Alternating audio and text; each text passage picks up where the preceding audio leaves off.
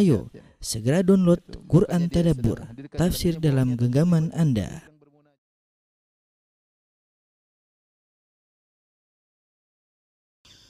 Bismillahirrahmanirrahim. Assalamualaikum warahmatullahi wabarakatuh. Alhamdulillahi ala ihsanih wa syukru lahu ala taufiqihi wa amtinani wa asyhadu an la ilaha illallah wahdahu la syarika lahu ta'ziman li sya'nih wa asyhadu anna Muhammadan abduhu wa rasuluhu da'ila ridwanih. Allahumma salli alaihi wa ala alihi wa ashabihi wa ikhwani. Para ikhwan dan akhwat uh, yang dirahmati oleh Allah Subhanahu wa taala. Uh, pada kesempatan bahagia ini kita akan sama-sama uh, mendengarkan tentang kisah sahabat yang mulia Zaid bin Harithah uh, radhiyallahu taala anhu yang sangat dicintai oleh Nabi sallallahu alaihi wasallam yang disebut dengan hibbun Nabi sallallahu alaihi wasallam yaitu kekasih yaitu orang yang dicintai oleh Nabi sallallahu alaihi wasallam. Bahkan kecintaan Nabi kepada Zaid bukan hanya terbatas kepada Zaid, bahkan kepada putranya Usama ibn Zaid. Ya, Usama bin Zaid. Oleh kerana Usama dikenal dengan hibbu hibbin Nabi sallallahu alaihi wasallam, yaitu kekasih-kekasihnya Nabi sallallahu alaihi wasallam. Dialah Zaid bin Harithah uh, radhiyallahu taala anhu yang satu-satunya sahabat yang Allah sebutkan namanya dalam surat Al-Ahzab ayat 37 ya uh, yang di mana Allah berfirman falamma qada zaidun minha wa tara zawwajnakaha. Tatkala zaid selesai dari hajahnya kepada Zainab bintu Jahshin maka kami pun menikahkan engkau dengan Zainab wahai Rasulullah sallallahu alaihi wasallam. Siapakah Zaid bin Harithah yang sangat dicintai oleh Nabi sallallahu alaihi wasallam? Ya.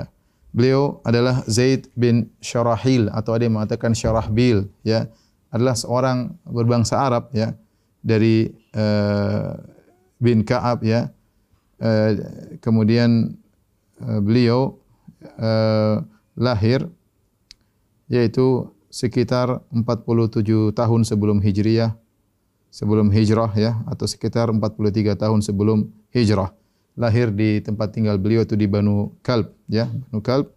Salah satu dari turunan dari kabilah Qudha'ah uh, ayah beliau namanya Harithah bin Syarahbil atau Harithah bin Syarahil. Ada Syarahil atau Syarahbil. Adapun ibunya namanya Su'da bintu Tha'labah. Uh, disebutkan bahwasanya dalam sirah disebutkan bahwasanya Zaid bin Harithah ketika kecil dibawa pergi oleh ibunya yaitu Su'da bin Tha'labah menyenguk uh, keluarganya dari Bani Ma'an ya di tempat kampung mereka. Tiba-tiba kemudian uh, mereka didatangi oleh sekelompok orang kemudian diserang akhirnya Zaid bin Harithah ditangkap ya. Kemudian dijadikan budak oleh mereka. Ketika itu masih kecil Zaid jadikan budak ya. Sehingga dia tadinya orang merdeka akhirnya jadi jadi budak. Setelah dijadikan budak maka diperjualbelikan oleh mereka dengan penuh kezaliman. Sampai akhirnya Zaid bin Harithah diperjualbelikan di Suk Ukaz Suk Ukaz adalah pasar Ukaz ini pasar terkenal di sekitar 40 km sebelah utara kota Taif yang sampai sekarang masih ada ya jadi menjadi tempat apa namanya sejarah. Yang dahulu pasar tersebut orang-orang sering berdagang situ bahkan sering melantunkan syair-syair. Terkadang mereka saling perang syair di pasar tersebut sehingga banyak orang datang ke pasar tersebut dari Mekah dari mana-mana. Nah, maka di situlah uh, kemudian Zaid bin Haritha dijual ya. Sampai akhirnya dilihat oleh Hakim bin Hizam ya. Hakim bin Hizam bin Khuwailid Hakim bin Hizam bin Khuwailid radhiyallahu taala anhu seorang sahabat yang masuk Islam belakangan ya. Uh, dia adalah ponakannya Khadijah, istri Nabi sallallahu alaihi wasallam. Khadijah namanya bin, Khadijah bintu Khuwailid. Sementara Hakim bin Hizam bin Khuwailid.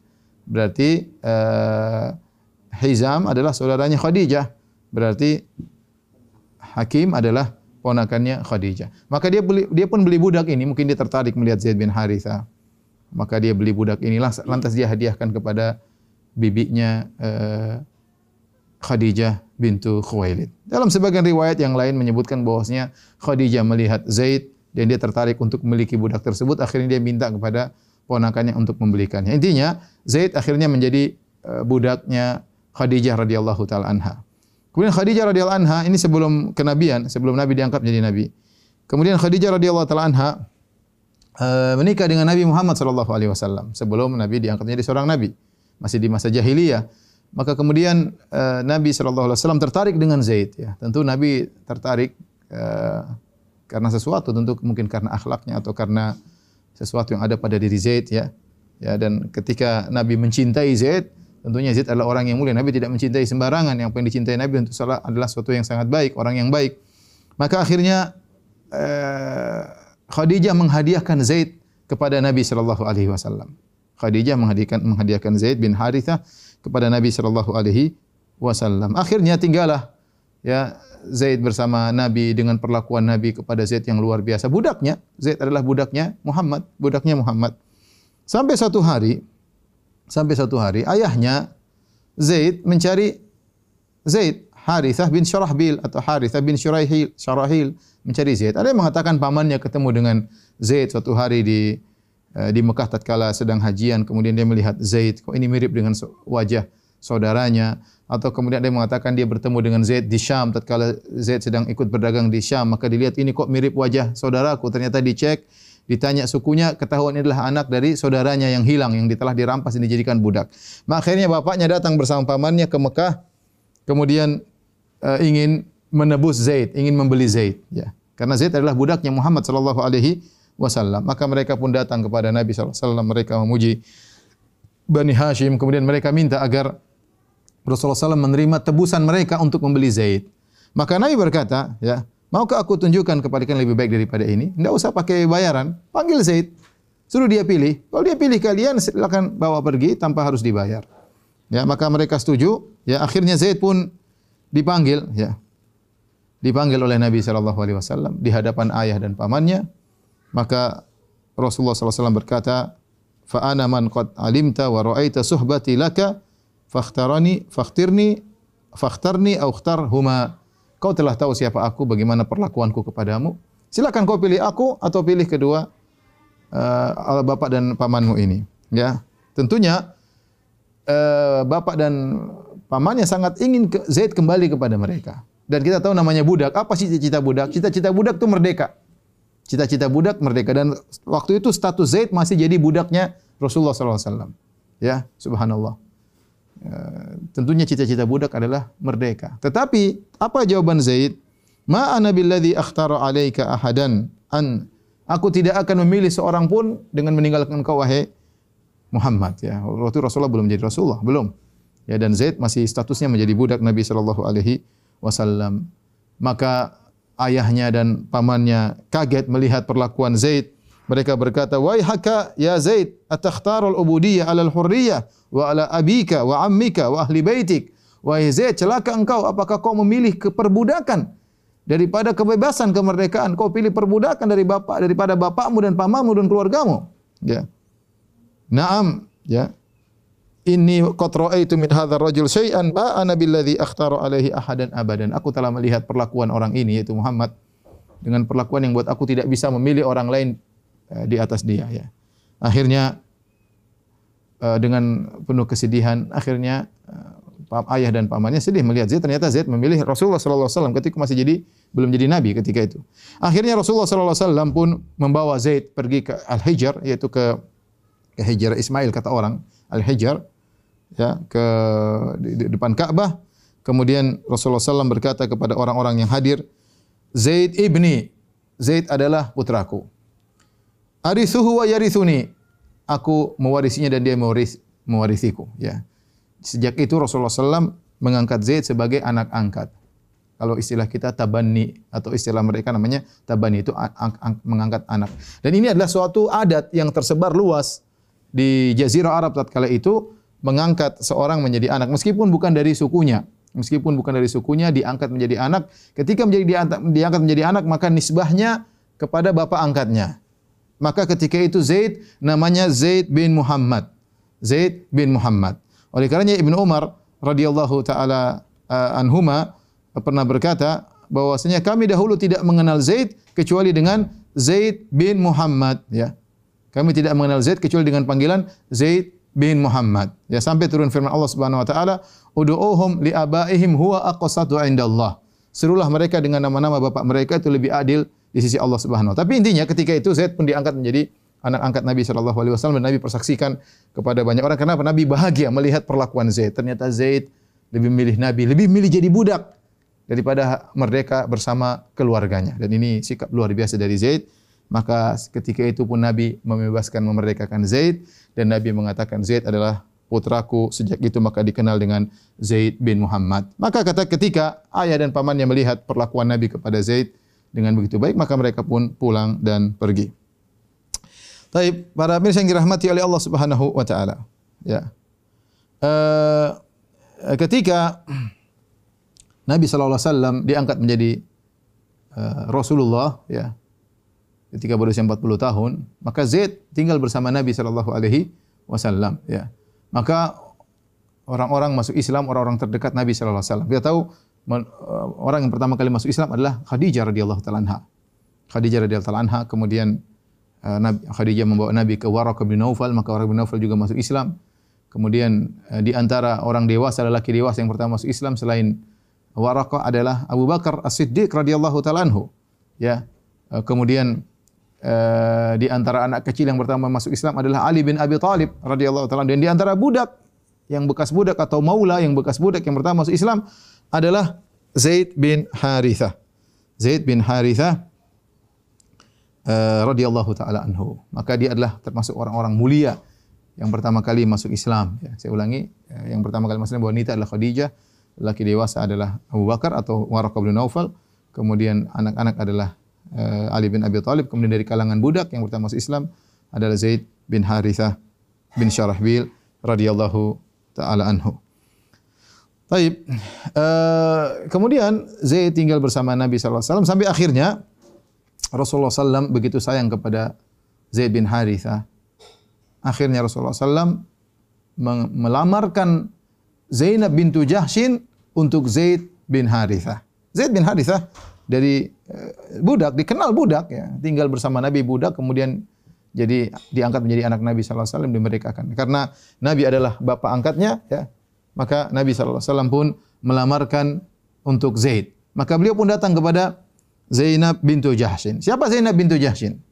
Zainab bintu Jahshin radhiyallahu taala anha. Dia adalah Ummul Mukminin, istri Nabi sallallahu alaihi wasallam. Tapi bagaimana ceritanya bisa jadi istri Nabi sallallahu alaihi wasallam? Ada kisahnya. Kita akan sebut kisahnya di sini. Zainab bintu Jahshin radhiyallahu taala anha adalah sepupu Nabi sallallahu alaihi wasallam. Namanya Zainab bintu Jahshin. Bapaknya Jahshin, ibunya Umaymah bintu Abdul Muttalib. Umaymah bintu Abdul Muttalib. Umaymah adalah bibi Nabi, amat amatnya Nabi, am, ammahnya Nabi sallallahu alaihi wasallam ya. Umaymah bintu Abdul Muttalib. Bapak Nabi Abdullah bin, bin Abdul Muttalib. Ya, Hamzah bin Abdul Muttalib ya Abu Lahab bin Abdul Muttalib, Abu Talib bin Abdul Muttalib. Di antaranya Umaymah bintu Abdul Muttalib. Jadi Umaymah tantenya Nabi sallallahu alaihi wasallam punya anak namanya Zainab bintu Jahash. Jadi Zainab bintu Jahash ini adalah sepupunya Nabi sallallahu alaihi wasallam. Jadi dari kabilah yang mulia, ya. Dari kabilah ibunya adalah dari Bani Hashim, bapaknya dari Quraisy ya, uh, adalah uh, nasab tinggi, nasab tinggi ya. Ah, kemudian saudara-saudaranya Zainab uh, Zainab bintu Jahsh ya terkenal Ubaidillah bin Jahsh, Abdullah bin Jahsh, Abdullah bin Jahsh yang uh, meninggal dalam perang Uhud ya, yang di mana perutnya dirobek oleh musuh kemudian di apa namanya dicincang oleh musuh. Adapun Ubaidillah bin Jahsh meninggal di Habasyah yaitu suaminya uh, Ramlah bintu Abi Sufyan, ya, Ummu Habibah Ramlah bintu Abi Sufyan. Kemudian Ubaidillah bin Jahshin meninggal di uh, negeri Habasyah ketika hijrah. Sebagian orang mengatakan dia meninggal dalam kondisi masuk Nasrani, namun ini dibantah oleh para ulama bahwasanya sanad yang mengatakan beliau masuk Nasrani adalah dhaif, yang benar beliau meninggal dalam kondisi Islam. Kemudian ketika beliau meninggal istrinya uh, Ramlah bintu Abu Sufyan dinikahi oleh Nabi sallallahu alaihi wasallam. Tapi intinya, intinya Zainab binti Jahsy adalah sepupu Nabi sallallahu alaihi wasallam, seorang wanita yang sangat mulia dari kedudukan uh, nasab yang tinggi dari Bani Hashim, ibunya dari dan bapaknya dari Quraisy. Maka kemudian Nabi SAW melamarkan Zainab bintu Jahshin untuk Zaid bin Haritha. Ini adalah hal yang yang berat, ya, yang berat uh, bagi bagi uh, Zainab bintu Jahsh. Kenapa? Karena Zainab bintu Jahsh, bintu Jahsh dari nasab yang tinggi, bukan bukan orang Arab biasa, Quraisy. Ibunya Bani Hashim. Kemudian Zaid bekas budak. Bagaimana kemudian bekas budak menikah dengan wanita yang memiliki nasab yang mulia. Maka Nabi ingin menghilangkan tatkala itu yang jadi patungan adalah ketakwaan. Maka Nabi lamarkan uh, Zaid bin Harisah untuk kepada Zainab bintu Jahash. Ketika dilamarkan sebagian ahli tafsir menyebutkan ketika Nabi melamar Zainab bintu Jahash, Zainab bintu Jahash tidak mau. Tidak mau. Kemudian disetujui oleh saudaranya juga tidak mau karena siapa sih? Zaid bin Harithah bekas budak. Akhirnya Allah Subhanahu wa taala menurunkan firman-Nya menegur Zainab uh, bintu Jahsh, "Wa ma kana lil mu'minin wa la mu'minah idza qada Allahu wa rasuluhu amran an yakuna lahumul khiyaratu min amrihim." Tidak pantas bagi seorang mukmin maupun wanita mukminah kalau Allah sudah memilihkan suatu pilihan kemudian mereka punya pilihan yang lain. Ketika turun ayat itu akhirnya Zainab bintu Jahsyin karena taatnya kepada Rasulullah wasallam akhirnya dia menikah dengan Zaid bin Harithah. Subhanallah. Dan ini bayangkan nasabnya tinggi dengan bekas budak. Menikahlah dengan Zaid bin Harithah. Ya. Zaid bin orang dulu mengenal Zaid bin Muhammad. Zaid bin Muhammad, ya.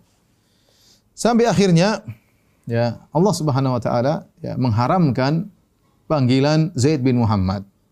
Allah katakan ud'uuhum li abaihim huwa aqsatu indallah.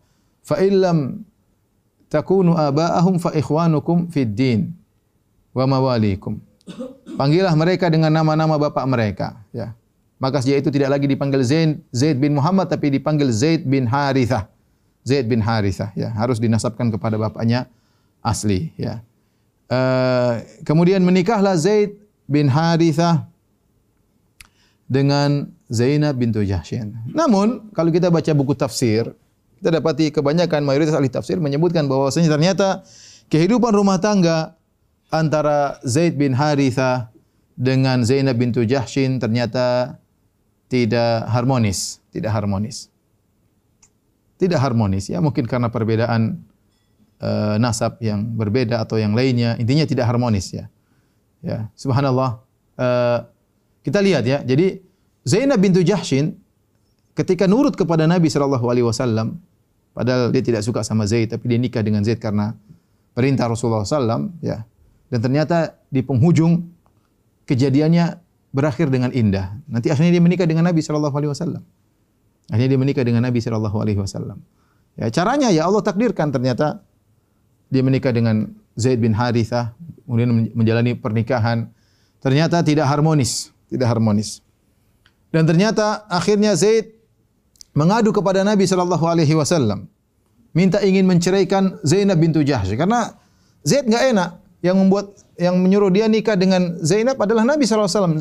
Nabi yang susah-susah kemudian melamar Zainab binti Jahsy dari keluarga yang mulia nasabnya untuk Zaid bin Harithah kemudian Zaid bin Harithah tidak asal asal muasal kemudian menceraikan saja. Maka dia ingin menceraikan Zainab bin, bintu Jahshin uh, maka dia datang kepada Nabi sallallahu alaihi wasallam. Inilah yang kemudian Allah turunkan uh, firman-Nya ya dalam surat Al-Ahzab ayat 37 kata Allah Subhanahu wa taala Wa idh taqulu lilladhi an'ama Allahu alayhi wa an'amta alayki alayhi amsik alayka zawjataka amsik alayka zawjaka wattaqillah. Wa idh taqulu lilladhi an'ama Allahu alayhi. Perhatikan sini. Tatkala engkau wahai Muhammad, engkau berkata kepada orang yang Allah beri nikmat kepadanya, itu nikmatul Islam. Maksudnya Zaid orang Islam. Ya. Wa idh taqulu lilladhi an'ama Allahu alayhi, kau berkata kepada orang yang kau beri Allah beri nikmat kepadanya. Wa an'amta alaihi dan kau beri nikmat kepadanya itu kau jadikan dia anak angkat, kau bebaskan dia. Ya. Amsik alaika zaujak, tahanlah istrimu. Jadi ternyata Zaid ingin cerai istrinya. Nabi SAW bilang jangan, sabar. Ya. Wattaqillah, bertakwalah kepada Allah, sabar dengan istrimu. Kata Nabi SAW. Ya. Padahal, padahal Nabi dalam hatinya suka sama Zainab bintu Jahsin. Ini akan kita jelaskan ya. Nabi dalam hati kalau seandainya Zaid bin Haritha menceraikan Zainab bintu Jahshin, Nabi akan nikah dengan sepupunya tersebut, Zainab bintu Jahshin. Seorang wanita yang uh, cantik, yang mulia ya dan, dan, memiliki nasab yang tinggi, apalagi sepupunya Nabi sallallahu alaihi wasallam. Tapi Nabi sallallahu alaihi wasallam tetap menahan diri dan dia tidak ingin Zaid cerai dengan uh, dengan Zainab. Maka dia berkata, "Amsik alaika zaujak." Tahan istrimu. Wattaqillah bertakwalah kepada Allah. Jangan ceraikan istrimu. Kata Allah, wa tukhfi fi nafsika ma Allahu mubdi. Sementara engkau wahai Muhammad, wahai Nabi, engkau menyembunyikan dalam hatimu apa yang Allah akan tampakkan. Wa takhshan nas wallahu ahuka an takhsha. Kau takut kepada orang-orang jadi bahan pembicaraan dan Allah lebih takut untuk harusnya lebih berhak untuk kau takuti. Kemudian kata Allah, "Falamma qada Zaidun minha wa tara."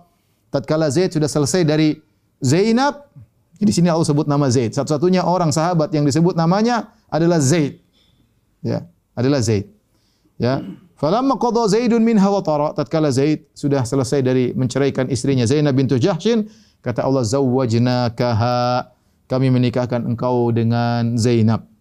Likai la yakuna 'alal mu'minina harajun fi azwaji adiyaihim idza qada minhunna wa tara. Agar tidak ada uh, keraguan atau tidak ada apa namanya uh, tidak mengapa bagi kaum mukminin untuk menikahi bekas-bekas istri is, bekas apa janda-janda bekas anak-anak angkat mereka.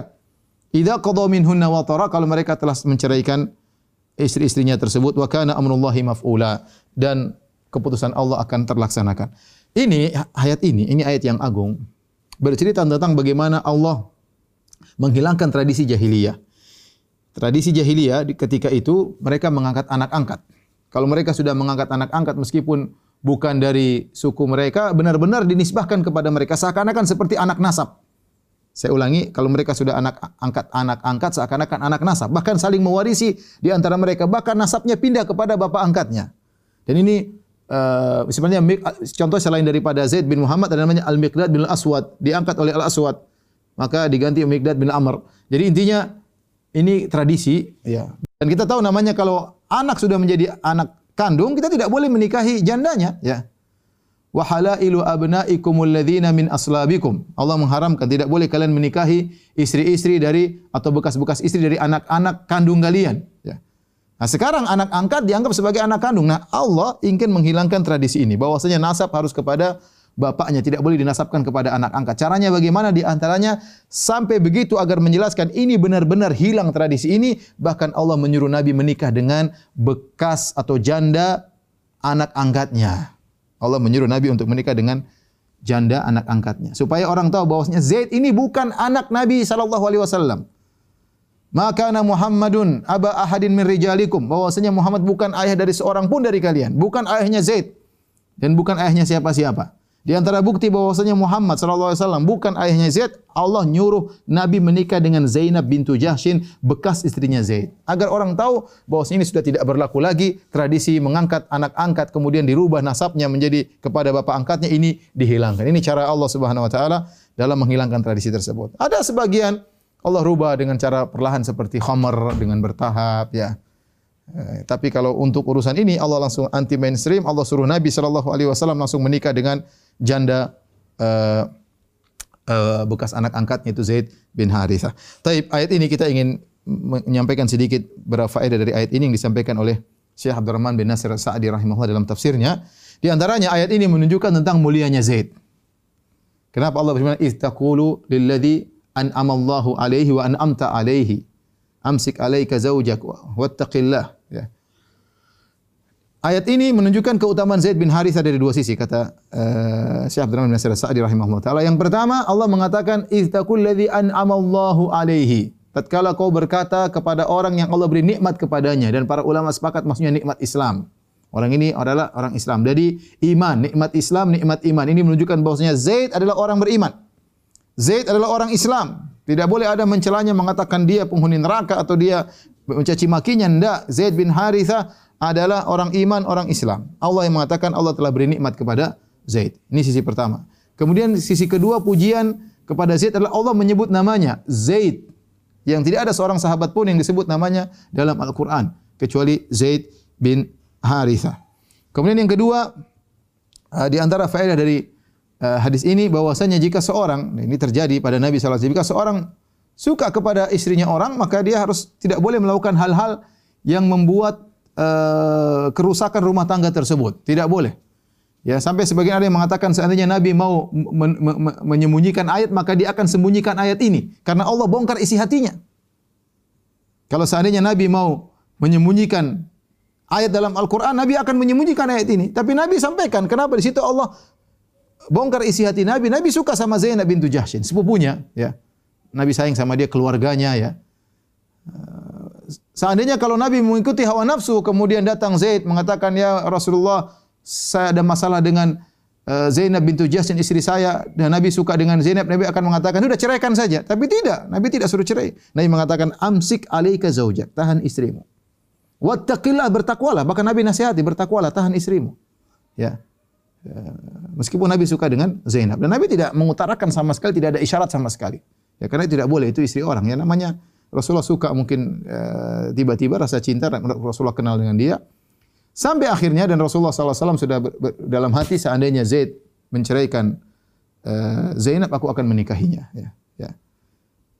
Dan ternyata Zaid tidak bisa lagi bersama Zainab. Akhirnya Zaid, Zaid menceraikan Zainab dan akhirnya setelah selesai cerai dengan Zainab, mungkin selesai masa iddahnya, maka kemudian Allah menikahkan. Allah langsung menikahkan Nabi dengan Zainab bintu Jahshin. Kata Allah, "Zawwajnakaha, kami nikahkan engkau wahai Rasulullah dengan Zainab." Makanya Zainab bangga di hadapan istri-istri Nabi yang lain.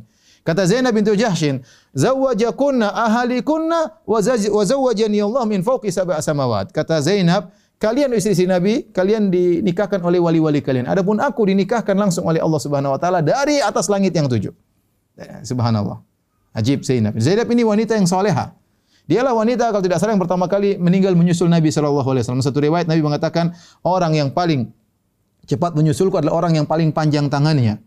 Maka istri Nabi mengukur-ukur tangannya. Ternyata maksud Nabi dengan panjang tangan adalah orang yang paling atwalukun dan maksudnya yang paling panjang tangan kalian, ternyata maksudnya yang paling dermawan.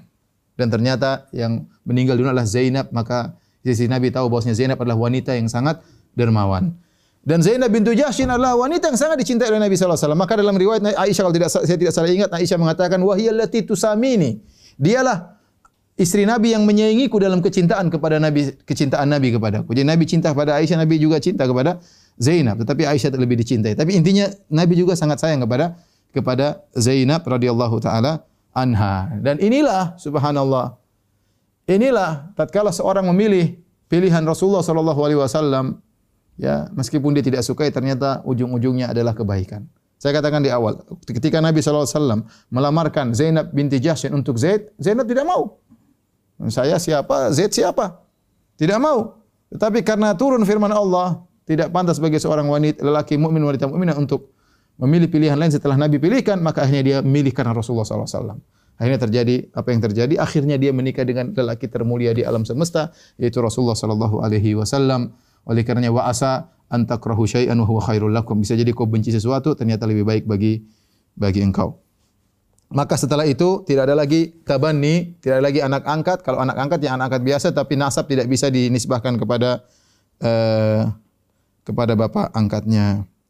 Setelah itu Zaid bin Harithah kemudian menikah dengan Ummu Aiman. Ummu Aiman adalah uh, seorang uh, wanita yang pernah Eh, merawat Nabi sallallahu alaihi wasallam ketika Nabi sallallahu alaihi wasallam masih kecil ya. Uh, dan dia adalah dari Habasyah ya.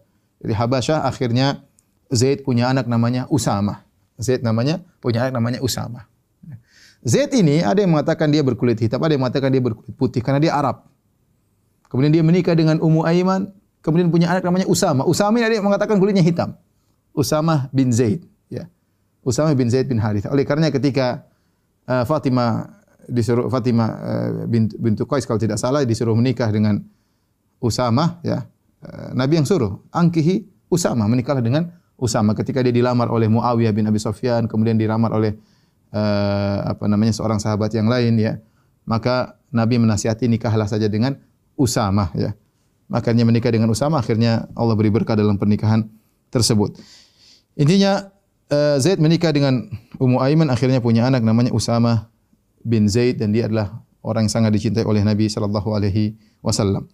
Dan Zaid bin Haritha adalah seorang yang sangat mulia ya. Pernah menjadi pemimpin perang dalam Sariyah, lima Sariyah ya.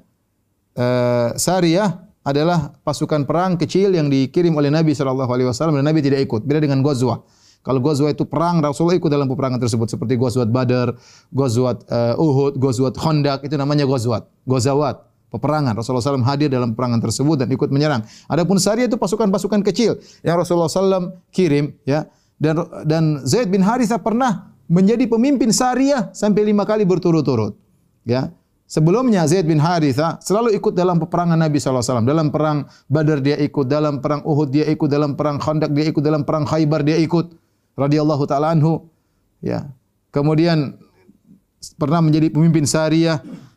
Makanya Aisyah pernah ber, ber, berkata, perhatikan kata Aisyah dalam hadis riwayat Imam Ahmad dengan sanad yang hasan. Kata Aisyah, "Ma ba'atha Rasulullah sallallahu alaihi wasallam Zaid bin Haritha fi jayshin qat illa amarahu alaihim walau baqiya ba'dahu istakhlafahu. Aisyah berkata, Rasulullah SAW tidak pernah mengirim satu pasukan perang pun syariah. Di situ ada Zaid kecuali Zaid yang jadi pemimpin. Tidak ada pasukan perang dikirim. Ada Zaid di situ kecuali Zaid pasti jadi pemimpin. Seandainya kata Aisyah perkataan, seandainya Zaid masih hidup, ya eh, setelah Nabi Shallallahu Alaihi Wasallam, tentu Zaid yang akan dijadikan khalifah. Padahal yang jadi khalifah bapaknya Abu Bakar. Tapi ini Aisyah berkata dengan demikian, seandainya Rasulullah ya, kemudian meninggal dan Zaid masih hidup, Zaid akan yang dijadikan khalifah oleh Nabi sallallahu alaihi wasallam. Tapi Zaid meninggal tahun 8 Hijriah uh, dalam perang namanya perang Mu'tah. Uh, taib. Jadi Zaid memiliki uh, jasa yang banyak ikut dalam berbagai macam peperangan ya. Di antaranya uh, uh, ikut dalam perang uh, bukan dalam perang Badar, dalam perang Uhud, kemudian dalam perang Khandaq, dalam perang Khaybar dan juga ikut serta dalam uh, perjanjian Hudaybiyah ya kemudian ketika Nabi SAW melakukan perang Muraisi Rasulullah menjadikan dia istakhlafai Rasulullah menjadikan dia pemimpin di kota Madinah sebagai pengganti Rasulullah sallallahu alaihi wasallam dan Zaid bin Harithah terkenal sebagai pemanah yang sangat mahir yang sangat handal ya ya disebutkan beliau memimpin tujuh ya bukan lima ya tujuh pasukan perang dipimpin oleh Zaid bin Harithah ya tatkala yang pertama adalah Qaradah kemudian tatkala dikirim ke Al-Jamum kemudian ke Al-Ais Tarf, kemudian Hisma, kemudian ke Ummi Firqah, ya. Uh, ini semua dipimpin oleh Zaid bin Harithah. Yang terakhir adalah Nabi SAW mengirim Zaid bin Harithah dalam pasukan perang yang disebut atau dikirim oleh Nabi ke dalam perang Mu'tah yang ini kisahnya sangat panjang. Tapi saya bacakan hadis yang berkaitan dengan Zaid bin Harithah. Kata Abu Qatadah Al-Ansari radhiyallahu taala anhu, "Ba'atha Rasulullah sallallahu alaihi wasallam jayshal umara." Faqala Rasulullah SAW mengirim pasukan dengan beberapa pemimpin. Dan ini tidak pernah terjadi sebelumnya. Rasulullah SAW kalau kirim pasukan, pemimpin cuma satu. Tapi ini kondisinya berbeda.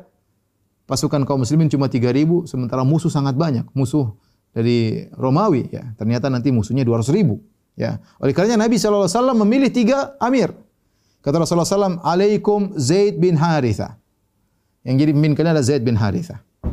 Fa'in usiba Zaidun kalau Zaid ternyata meninggal dunia. Fa Ja'far bin Abi Talib. Maka yang jadi pemimpin adalah Ja'far bin Abi Talib. Ja'far bin Abi Talib. Sepupu Nabi SAW. Anaknya Ali bin Abi Talib yang sangat dicintai oleh Nabi SAW. Fa'in usiba Ja'far. Kalau Ja'far ternyata meninggal dunia. Fa Abdullah bin Rawaha al-Ansari. Maka digantikan oleh Abdullah bin Rawaha al-Ansari. Ketika Nabi menitahkan demikian. Wathaba Ja'far faqala. Maka Ja'far datang. Agak sedikit bertanya kepada Nabi. Ya. Dia berkata, Ya Rasulullah, Ma kuntu arhabu an tasta'mila alayya Zaidan. Aku kurang begitu suka kalau Zaid menjadi pemimpinku. Ya karena Zaid dari kalangan Buddha ya. Sementara Ja'far bin Abi Thalib dari Bani Hashim, Alul Bait. Maka apa kata Nabi wasallam? Indih, jalankan. Fa innaka la tadri ayu dzalika khair. Kau tidak tahu mana yang lebih baik ya. Mana yang lebih lebih baik ya. Jadi Zaid yang diangkat menjadi pemimpin padahal di situ ada ada siapa? Ada Ja'far bin Abi Talib, sepupu Nabi wasallam. Dan juga ada sahabat-sahabat yang lain. Ada Khalid bin Walid, kemudian ada sahabat-sahabat yang lain. Tapi yang dijadikan mimpin perang tatkala itulah Zaid bin Harithah. Uh, Rasulullah SAW menyebutkan dalam satu hadis ya, uh, dalam satu hadis Ibnu Umar berkata, ya, Ba'athan Nabi SAW tentang tentang anaknya Zaid itu Usama. Ba'athan Nabi SAW ba'athan. Suatu hari Rasulullah SAW mengirim satu pasukan. Wa ammara alaihim Usama bin Zaid. Maka Nabi menjadikan pemimpin pasukan tersebut Usama bin Zaid. Setelah Zaid meninggal dunia, anaknya jadi pemimpin. Fata'ana ba'dun nas fi imarati. Maka sebagian orang mencela kepemimpinan Usama bin Zaid. Mencela. Ini kok Usama jadi pemimpin masih muda, bekas anaknya budak dan macam-macam mungkin. Tapi tidak disebutkan apa celaannya. Tapi intinya mereka sebagian orang mencela kepemimpinan Usama bin Zaid. Maka Nabi membela Usama. Apa kata Nabi SAW? Anta ta'anu fi imaratihi. Kalian mencela kepemimpinan Usama bin Zaid, faqad kuntum tat'anuna fi imarati abihi min qabl. Kalian juga dulu pernah mencela kepemimpinan bapaknya, yaitu Zaid bin Harithah. Wa imullah in kana la khaliqan lil imarah wa in kana la min ahabbin nasi ilayya. Nabi berkata demi Allah sungguh ia sangat layak untuk menjadi pemimpin. Wa in kana la min ahabbin nasi ilayya dan sungguhnya Zaid kalian celah dulu dan dia paling dia memang pantas jadi pemimpin dan dia adalah orang yang termasuk yang paling aku cintai. Wa inna hadza la min ahabbin nasi ilayya ba'dahu. Ini anaknya termasuk orang yang paling aku cintai setelah bapaknya. Bayangkan anaknya Usama dicintai Nabi, bapaknya Zaid dicintai Nabi. Maka Usama disebut dengan hibbu hibbin Nabi sallallahu alaihi wasallam kecintaan anaknya kecintaan Nabi sallallahu alaihi wasallam. Nah, ini bukan berarti ketika Zaid bin Harithah menjadi pemimpin pasukan Mu'tah bukan berarti uh, bukan berarti Zaid bin Harithah lebih mulia daripada Ja'far bin Abi Thalib. Tapi demikian Nabi sallallahu alaihi wasallam mengatur peperangan bisa jadi Zaid yang bekas budak menjadi pemimpin ya meskipun di belakang dia ada Ja'far bin Abi Thalib. Akhirnya ketika masuk dalam peperangan Zaid kemudian memegang bendera peperangan akhirnya Zaid meninggal dunia terkena anak panah maka beliau pun gugur. Ya, ketika uh, Zaid gugur kemudian setelah itu bendera dipegang oleh Ja'far bin Abi Talib kemudian Ja'far pun gugur kemudian bendera jatuh dipegang oleh Abdullah bin Rawaha kemudian gugur setelah itu baru dipegang oleh Khalid ibn Walid uh, radhiyallahu taala anhu ya. Maka ketika mereka meninggal dunia ya Maka Nabi sallallahu alaihi wasallam menceritakan hal ini kepada para sahabat di kota Madinah. Ya. Bagaimana kondisi ketiga pemimpin tersebut? Ya. Rasulullah sallallahu alaihi wasallam ya uh, menyampaikan berita tentang kematian mereka kepada para sahabat. Rasulullah SAW berkata, "Akhadha rayata Zaid." Zaid mengambil bendera peperangan. Fa usiba, maka dia pun meninggal dunia. Thumma akhadhaha Ja'far, kemudian diambil bendera tersebut oleh Ja'far. Fa usiba dan Ja'far meninggal disebut disebutkan puluhan luka, 80 luka di hadapan di tubuhnya, tidak ada satu luka pun di belakang. Artinya dalam satu detik pun dia tidak pernah mundur. Semua lukanya di depan. Ya. Kemudian Ja'far pun meninggal dunia. Thumma akhadhaha, kemudian bendera dipanggil diambil oleh Abdullah bin Rawaha. Fa usiba. Abdullah bin Rawaha Al-Ansari juga meninggal dunia. Ketika Nabi menceritakan tersebut, apa kata sang perawi? Wa inna ainaihi la tadrifan. Nabi menangis. Ini orang yang dicintai oleh Nabi. Bayangkan Zaid bin Haritha. Hibbun Nabi, Nabi sangat cinta kepada Zaid bin Haritha. Bahkan dianggap anak oleh Nabi SAW. Kemudian Ja'far sepupunya yang Nabi sangat cintai meninggal juga. Ya Abdullah bin Rawaha sahabat. Maka Nabi SAW menangis. Thumma akhadaha Khalid min ghairi imratin. Fafatahallahu alaihi. Kemudian dipegang oleh Khalid bin Walid. Ya, kemudian Allah memenangkan Khalid bin Walid dalam peperangan tersebut ya. Kemudian Nabi berkata, "Wa ma yasurruni annahum indana." Meskipun Nabi sedih, Nabi mengatakan, "Aku lebih suka mereka aku tidak lebih suka mereka bersama kita di sini." Artinya mereka meninggal tapi masuk surga ya. Ya. Uh, Nabi sallallahu alaihi wasallam kemudian dalam riwayat yang lain ya, Nabi wasallam berkata, "Ala ukhbirukum an jayshikum hadzal ghazi?" Maukah aku kabarkan kepada kalian tentang pasukan kita yang telah berjalan? Innahum intalaqu mereka telah berjalan hatta laqul adu sampai mereka bertemu dengan musuh. Fa usiba Zaidun syahidan maka Zaid mati syahid. Allah Nabi mengatakan Zaid mati syahid. Fastaghfiru lahu maka mohonlah ampunan bagi Zaid. Fastaghfara lahu nas maka orang semua mengatakan Allah maghfir li Zaid Allah maghfir li Zaid. Thumma akhadha al-liwa Ja'far bin Abi Talib. Kemudian bendera dipegang oleh Ja'far bin Abi Talib. Fashadda 'alal qaum maka dia pun kencang melawan musuh hatta kutila syahidan sampai dia pun meninggal mati syahid. Ashhadu lahu bisyahadah fastaghfir lahu. Aku bersaksi dia mati syahid. Mohonlah ampunan buatnya. Maka orang-orang mengatakan astagfirullah, astagfirullah, Allah maghfir lahu, Allah maghfir lahu. Thumma akhadha liwa Abdullah bin Rawaha. Kemudian dipegang dipegang bendera dipegang oleh Abdullah bin Rawaha fa athbata qadamaihi maka dia pun kokokkan kedua kakinya hatta usiba syahidan sampai dia pun meninggal mati syahid fastaghfiru lahu maka mohonlah ampunan baginya. Ini semua dalil bahwasanya orang mati syahid pun perlu didoakan ya. Makanya Nabi SAW menyuruh para sahabat untuk mendoakan para syuhada Uhud. Ya, meskipun mereka adalah wali-wali Allah, Nabi juga menyuruh para sahabat untuk mendoakan orang-orang yang dikubur di kuburan baki, mereka meskipun mereka adalah wali-wali Allah, bukan kita datang malah minta doa kepada kepada mereka. Inilah uh, para pemirsa yang dirahmati Allah Subhanahu wa taala, uh, kisah singkat dari Zaid bin Harithah radhiyallahu taala anhu, seorang yang sangat dicintai oleh Nabi sallallahu alaihi wasallam, ya, uh, yang kisahnya dari jadi budak kemudian akhirnya menjadi seorang pemimpin pasukan perang dan terakhirnya adalah meninggal dengan mati syahid. Subhanallah sungguh cerita yang begitu indah dengan ending yang begitu indah ya. Mati dalam kondisi gugur di medan pertempuran didoakan oleh para sahabat. Kemudian Nabi mengatakan dia mati syahid. Demikianlah apa yang bisa sampaikan pada kesempatan kali ini. Kalau ada yang bertanya saya persilahkan. Wallahu taala alam bisawab. Baik, eh, jazakallah khair Ustaz atas eh, pemaparan materinya hari ini. Eh, ada beberapa pertanyaan yang sudah masuk. Yang pertama dari Sukapura, ada pertanyaan, Ustadz, apakah ada hubungan antara Zaid bin Harithah dengan Zaid bin Thabit? Uh, hubungannya sama-sama namanya Zaid.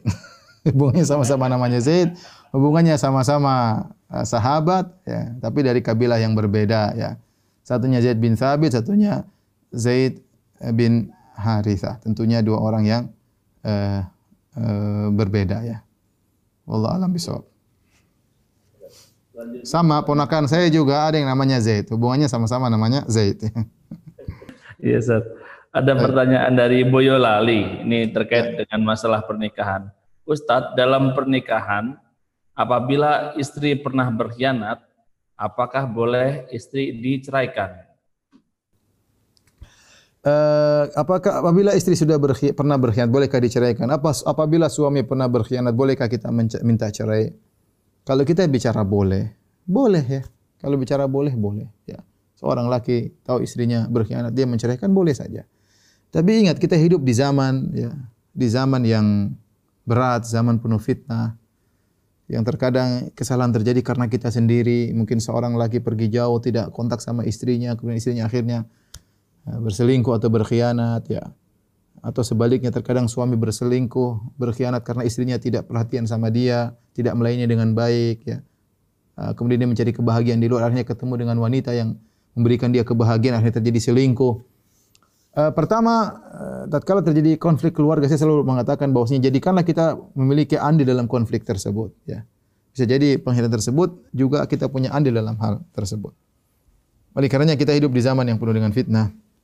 Kalau kita bisa memaafkan, uh, kemudian istri uh, ternyata benar-benar berubah, ya, uh, sadar dengan apa yang kesalahan yang dia lakukan demi kemaslahatan keluarga, demi kemaslahatan anak-anak, dan itu bisa kita lakukan maka saya katakan amsik alaika zaujak. Maka tahanlah istrimu ya. Kalau itu memungkinkan. Tapi kalau memang uh, engkau sendiri tidak kuat lagi sudah selalu terbayang-bayang uh, bahwasanya bagaimana pengkhianatan tersebut rasa sakit rasanya dan tidak mampu lagi untuk bertahan maka bolehkah menceraikan boleh dalam syariat Islam boleh ya karena itu kesalahan besar ya bukan kesalahan kecil tapi selama mungkin bisa untuk diperbaiki maka itu yang terbaik wallahu alam bisawab. Sekarang atas jawabannya. Selanjutnya ada pertanyaan dari Takengon Aceh. Ustaz. Ya. Semoga Allah menjaga Ustadz dalam keberkahan dan kebaikan. Amin. Ustadz, apa hikmahnya nama Zaid bin Harisah radhiyallahu anhu terdapat dalam Al-Quran? Kenapa bukan nama Abu Bakar radhiyallahu an padahal Abu Bakar lebih utama dari Zaid bin Harithah? Jazakumullah khair. Uh, adapun hikmahnya saya tidak tahu persis ya kenapa Allah sebutkan Zaid tidak menyebut Abu Bakar. Abu Bakar disebutkan tapi tidak dengan sebut nama ya, tidak sebut uh, nama ya. Uh, kata Allah Subhanahu wa taala thaniyat nain idhuma fil ghar idh yaqulu li sahibihi. Kata Allah dua orang tatkala di goa tatkala dia berkata kepada sahabatnya Abu Bakar punya kemuliaan dengan disebut dengan sahabat Nabi sallallahu alaihi wasallam. Adapun Zaid Allah sebutkan namanya. Bisa jadi bisa jadi karena tradisi begitu kuat tatkala itu, ya tradisi itu begitu kuat di di zaman tersebut tradisi tadi tabani tradisi anak angkat maka untuk menghilangkan tradisi tersebut Allah dengan tegas ya menyebut nama Zaid dalam Al-Qur'an. Ini sekedar perkiraan saya wallahu alam bisawab tapi yang lebih tepatnya saya tidak tahu ya. Wallahu alam bisawab baik Ustaz. Selanjutnya dari oh ini dari Oman Ustaz. Hmm. Mas Joko Priyono dari Oman. Assalamualaikum Ustaz. Uh, Mohon sarannya untuk menjelaskan kepada keluarga besar kami or, dari orang tua berkenan dengan batas mahram dikarenakan seringnya bersalaman atau bersentuhan saat bersilaturahmi sebelum hijrah di masa lalu. Setelah hijrah, menghindari bersalaman atau bersentuhan karena bukan mahram, justru malah dikucilkan oleh keluarga besar orang tua. Jazakallah khair. Uh, tentunya inilah uh, namanya sunnah kalau kita jala, kita jalankan terkadang memang ada tantangan ya ya bagaimana orang menjalankan sunnah Nabi seperti al-qabid al-jamrah seperti orang yang memegang bara api terutama di hari-hari yang penuh dengan kerusakan ya. Uh, kita katakan bahwasanya banyak keluarga kita yang dalam kondisi tidak tahu ya. Dalam kondisi kejahilan ya karena dahulu tidak ada dai-dai yang menjelaskan ya terutama ada dai terkadang menggampangkan ya. Sehingga terkadang sebagian dai-dai juga malah berjabat tangan dengan wanita ya. Sehingga mereka melihat ada orang tidak berjabat tangan dengan uh, kerabat seakan-akan perbuatan penghinaan atau perendahan dan yang lainnya ya. Maka tentunya kita harus merubah uh, tradisi ini ya. Caranya bagaimana? Dengan penyuluhan. Kita kasih bimbingan kita tebarkan tulisan kita diskusi sama mereka kita diskusi kepada uh, saudari kita tadi, ya, sepupu kita mungkin. Kita jelaskan sepupuku ya apa namanya semoga Allah menjagamu ya kita adalah saudara bahkan kita sepupu. Tetapi begini begini begini. Jelaskan sebutkan hadisnya dan yang lainnya. Uh, agar mereka sebelum kita melakukan demikian sudah sampai ilmu kepada mereka bahwasanya kita tidak bersalaman. Mohon maaf ya kalau saya tidak salaman bukannya ini bukannya anu tetapi sekedar berusaha menjalankan sunnah Nabi, semoga bisa dimengerti dengan kata-kata yang baik, bukan dengan kata-kata mengajari. Ini saya baru baca ini, saya juga uh, dulu tidak tahu, sekarang sudah tahu gimana pendapat kamu, misalnya dikirim. Jadi sharing, namanya sepupu terkadang kita sharing agar dia ngerti. Ya kita jauhan aja ya nanti kalau ketemu kita boleh ngobrol, tapi tidak usah tidak usah jabat tangan dalam pertemuan keluarga. Ya. Allah alam itu namanya uh, usaha kita sampaikan. Kalau kita kemudian dikucilkan ya sabar ya. Sabar itu resiko berjalan di atas sunnah Nabi sallallahu alaihi wasallam. Tapi jangan lawan keburukan dengan keburukan. Ya, kalau mereka mengucilkan tetap kita berusaha menunjukkan akhlak yang baik. Jangan emosi, jangan sok pintar enggak, tetap kita berusaha dengan cara yang baik tadi dalam bentuk diskusi atau bertanya kepada mereka mudah-mudahan mereka mau menerima sehingga menerima kita punya hujah atau kita punya uzur dalam hati mereka ini orang punya uzur karena mungkin salah ngaji atau yang lainnya biarin aja yang penting kita sampaikan kepada mereka Allah alam bisawab. Selanjutnya pertanyaan dari Abu Fahma di Surakarta. Ustaz, apakah dari pernikahan Zaid bin Harithah radhiyallahu anhu dengan Zainab bin Jahsi radhiyallahu anha dikaruniai keturunan? Bolehkah mewariskan harta kepada anak angkat? Ada dua pertanyaan Ustaz.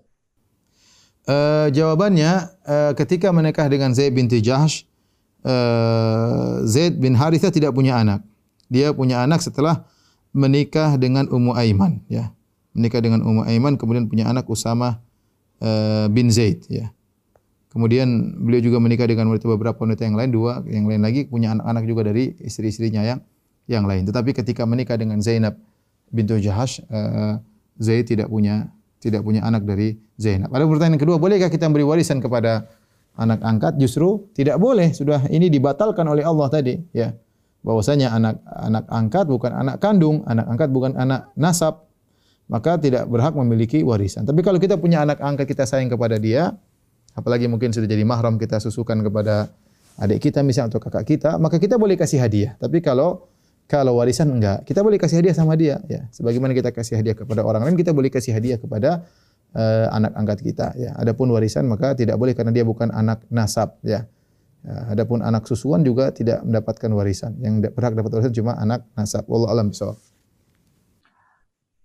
Ustaz, ada pertanyaan dari Los Angeles ini. Pertanyaannya agak ini ngeri ini dibacakan ya, Ustaz. Ustaz, uh, boleh bertanya di luar topik setelah mendoakan Ustaz dan semua jamaah semoga dalam lindungan Allah. Uh, kalau boleh bertanya di luar topik, anak perempuan dari hasil zina, dari hasil zina, ayah biologis dan ibu biologisnya tidak pernah menikah, apakah anak zinahnya bisa dinikahi oleh ayah biologisnya Ustaz? Ini ada pendapat sebagian fukoha mengatakan uh, kelazimannya demikian karena ada sebagian fukoha mengatakan kelaziman demikian karena anak biologis tersebut anak haram sehingga tidak ada punya hubungan nasab sama sekali dengan ayah biologisnya. Namun pendapat mayoritas ulama mengatakan tidak boleh meskipun uh, dia bukan anak uh, dinasabkan kepada ayah biologisnya, tetapi bagaimanapun uh, sejatinya masih ada hubungan darah sehingga mayoritas ulama mengatakan tidak boleh, tidak boleh kemudian ayah biologis menikah dengan anak biologisnya tersebut. Wallahu a'lam bishawab. Sekarang Ustaz, pertanyaan selanjutnya dari Jakarta, dari saudara kita Aris. Uh, Ustadz izin bertanya, pelajaran dari kisah Zainab binti Jahsi dan Zaid, apakah dibenarkan kalau di zaman sekarang ini ada ahwat yang tidak menerima pernikahan dengan ikhwannya dengan tidak mau disentuh sama sekali sampai terjadinya perceraian. Jadi dia sudah menikah tapi tidak mau disentuh sampai kemudian terjadi perceraian. Uh, tentunya kalau sudah terjadi pernikahan, seharusnya kita membina kehidupan rumah tangga dengan uh, dengan harmonis ya. Kalau ternyata tidak bisa berjalan dengan harmonis, sudah ada usaha dari suami atau sudah dari istri, usaha dari istri, ternyata tidak bisa timbul rasa cinta, tetap tidak suka dan yang lainnya, ya terpaksa mau tidak mau kita cerai, ya. Cerai sebagai bentuk solusi, solusi yang tidak disukai tetapi itu terkadang baik daripada menghadapi kemudaratan yang lebih besar. Kita punya kaidah dalam Islam irtikabu akhafid dharirain, menempuh kemudaratan yang lebih ringan. Benar cerai ada kemudaratan ya. Tetapi kalau dipertahankan ternyata mudarat lebih besar dan tidak kuat mempertahankan maka boleh cerai. Ya. E, misalnya seorang laki ternyata suami istrinya tidak mau e, menerima tidak mau digauli misalnya. Jadi khawatir terjerumus dalam zina. Maka dia boleh menikah lagi atau dia boleh ceraikan istrinya untuk mencari penggantinya. Kalau dia bersabar, boleh juga. Ya. E, adapun sang wanita, ya tentunya dia berusaha. Kalau dia tidak suka dengan suaminya, ya dia boleh mengusulkan kepada suaminya, misalnya dia tidak sama sekali tidak bisa cinta sama suaminya. Dan itu mungkin terjadi, bisa jadi timbul belakangan. Namanya hati berbolak-balik ya. Daripada dia terus bermaksiat, mungkin dia bilang udah kamu ceraikan saja. Atau dia mengatakan ya sudah saya minta khulu dan itu boleh, itu solusi. Kalau memang ada sebabnya ya. Di antara sebabnya kalau ternyata sang istri sama sekali tidak bisa cinta kepada suaminya, dia sudah berusaha namun tidak bisa maka tidak bisa dipaksa. Seperti kisah antara Jamilah dengan Thabit bin, bin Qais bin Syammas radhiyallahu taala anhu sehingga terjadi kejadian khulu ya di mana Jamilah tidak bisa cinta kepada suaminya Thabit akhirnya dia pun minta khulu kepada Thabit dan diajukan kepada Nabi sallallahu alaihi wasallam. Tiba lagi yang bertanya? Banyak sekali Ustaz. ya. Pertanyaannya masih banyak sekali ini. Oh, masih banyak. Jangan banyak-banyak, malam. Iya. Uh, ada pertanyaan dari Bandung, Ustaz. Apakah boleh seorang ahwat yang mondok di pesantren di luar kota, ketika libur dia pulang sendiri tanpa mahram naik pesawat dari Bandung ke Lampung? Dan berapakah batasan safar bagi seorang wanita? Dan apakah ada uzur di sana? Uh, Rasulullah SAW bersabda, yahillu limra'atin tu'minu billahi wal yawmil akhir an tusafira masirata yawmin wa layla illa ma'ahadhu mahram. Atau kama qala Nabi sallallahu alaihi wasallam tidak halal bagi seorang wanita yang beriman kepada Allah, Allah dan hari akhirat untuk menjalankan bersafar melakukan perjalanan jarak sehari semalam ya kecuali uh, dalam kondisi bersama mahram ya. Jarak safar kira-kira 80-an kilo 80 kilometer ya. Kalau dari Bandung ke Lampung jelas safar ya karena jaraknya ratusan kilometer. Oleh karenanya eh, seorang hukum asalnya bahwasanya bersafar tanpa mahram hukumnya adalah haram ya. Uh, hukumnya adalah haram. Tuh di sini ada masalah khilaf di kalangan para ulama tapi ini pendapat yang lebih hati-hati bahwasanya hukum asalnya adalah haram ya uh, kecuali kita dalam kondisi hajat mendesak ya misalnya misalnya seorang suaminya lagi kerja di luar negeri wanita. Suami, suaminya lagi kerja di luar negeri. Kemudian ibunya di luar kota sakit, perlu ada yang merawat. Seperti ini darurat.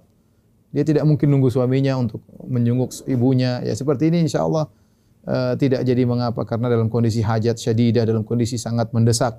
Ya. Tetapi kita jangan menggampang-gampangkan. Ya. Ah enggak apa-apa kan ada rombongan wanita, enggak usah pakai mahram. Enggak. Kita kalau dalam kondisi mendesak ya, ada hajat yang kuat sementara mahram tidak bisa dihadirkan ya karena sebagian wanita seperti itu dia mau pergi keluar kota mau berobat misalnya ternyata suaminya tidak lagi di rumah. Kemudian dia minta kakaknya nemani enggak mau nemani karena lagi kerja dan yang lainnya. Kemudian dia mungkin tidak punya biaya untuk membayarkan dia dan kakaknya naik kendaraan. Ya ini bagaimana lagi? Ya sudah bismillah. Ya semoga Allah mengampuni karena dalam kondisi hajat ya. Hukum asalnya meskipun haram tapi kalau sudah hajatnya mendesak darurat maka mudah-mudahan tidak mengapa sebagaimana sebagian sahabiat yang mereka berhijrah dari Mekah menuju Madinah tanpa mahram ya karena kondisi yang uh, mendesak tatkala itu. Tapi hukum asalnya seorang tidak boleh bersafar menggambangkan safar tanpa uh, mahram. Kita tahu Nabi tatkala mensyariatkan hal tersebut tidak lain kecuali untuk kemaslahatan sang wanita. Wallahu alam bisawab.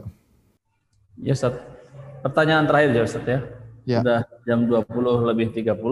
Uh, pertanyaan dari Bekasi Ustadz, perihal pernikahan, kawan saya adalah seorang anak angkat dan bapak aslinya masih hidup.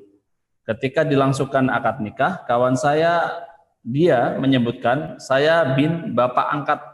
Gitu. Tunggu dulu, uh, itu kawan dia laki-laki atau perempuan? Nah, ini tidak jelas. Bin atau binti? Dia hanya menyebutkan bin. bin oh, oh, berarti dia laki-laki. Ya uh, apa namanya? Jawabannya bahwasanya seorang tidak boleh menisbahkan dirinya kepada ila ghairi abihi. Ini kedustaan, ini dosa ya, dosa besar. Mengatakan saya bin fulan ya, padahal dia bukan anak dari bapaknya tersebut. Enggak boleh ya. Tapi kalau masalah pernikahan sah karena lelaki tidak butuh mak, tidak butuh wali, yang butuh wali adalah uh, perempuan ya. Perempuan kalau menikah dia harus yang menikahkan adalah walinya. Adapun kita laki-laki enggak butuh enggak butuh wali kalau menikah ya. Uh, tapi dia salah ketika dia mengatakan saya adalah bin bapak angkat ini tidak boleh ya. Meskipun mungkin bapak aslinya orang miskin, mungkin orang tidak berpendidikan, tetap saja bapaknya, tetap gara-gara dia uh, dia ada di atas muka bumi ini, dia tetap harus berbakti kepada uh, bapaknya tersebut yang telah uh, keluar dengan sebab bapaknya tersebut dia keluar di atas muka bumi ya. Jadi seorang kesempatan bapaknya masih meninggal justru cari pahala bukan malah merendahkan bapaknya yang masih masih hidup ya. Demikian apa yang saya sampaikan kurang lebihnya saya mohon maaf kepada para jamaah Masjid Asra ya dimanapun anda berada. Semoga pertemuan kita diberkahi oleh Allah Subhanahu Wa Taala dan semoga Allah mengampuni dosa-dosa kita dengan sebab menuntut ilmu dan semoga Allah mengangkat derajat kita di sisinya kelak pada hari kiamat kelak. Demikian wabillahi taufik wal hidayah. Assalamualaikum warahmatullahi wabarakatuh.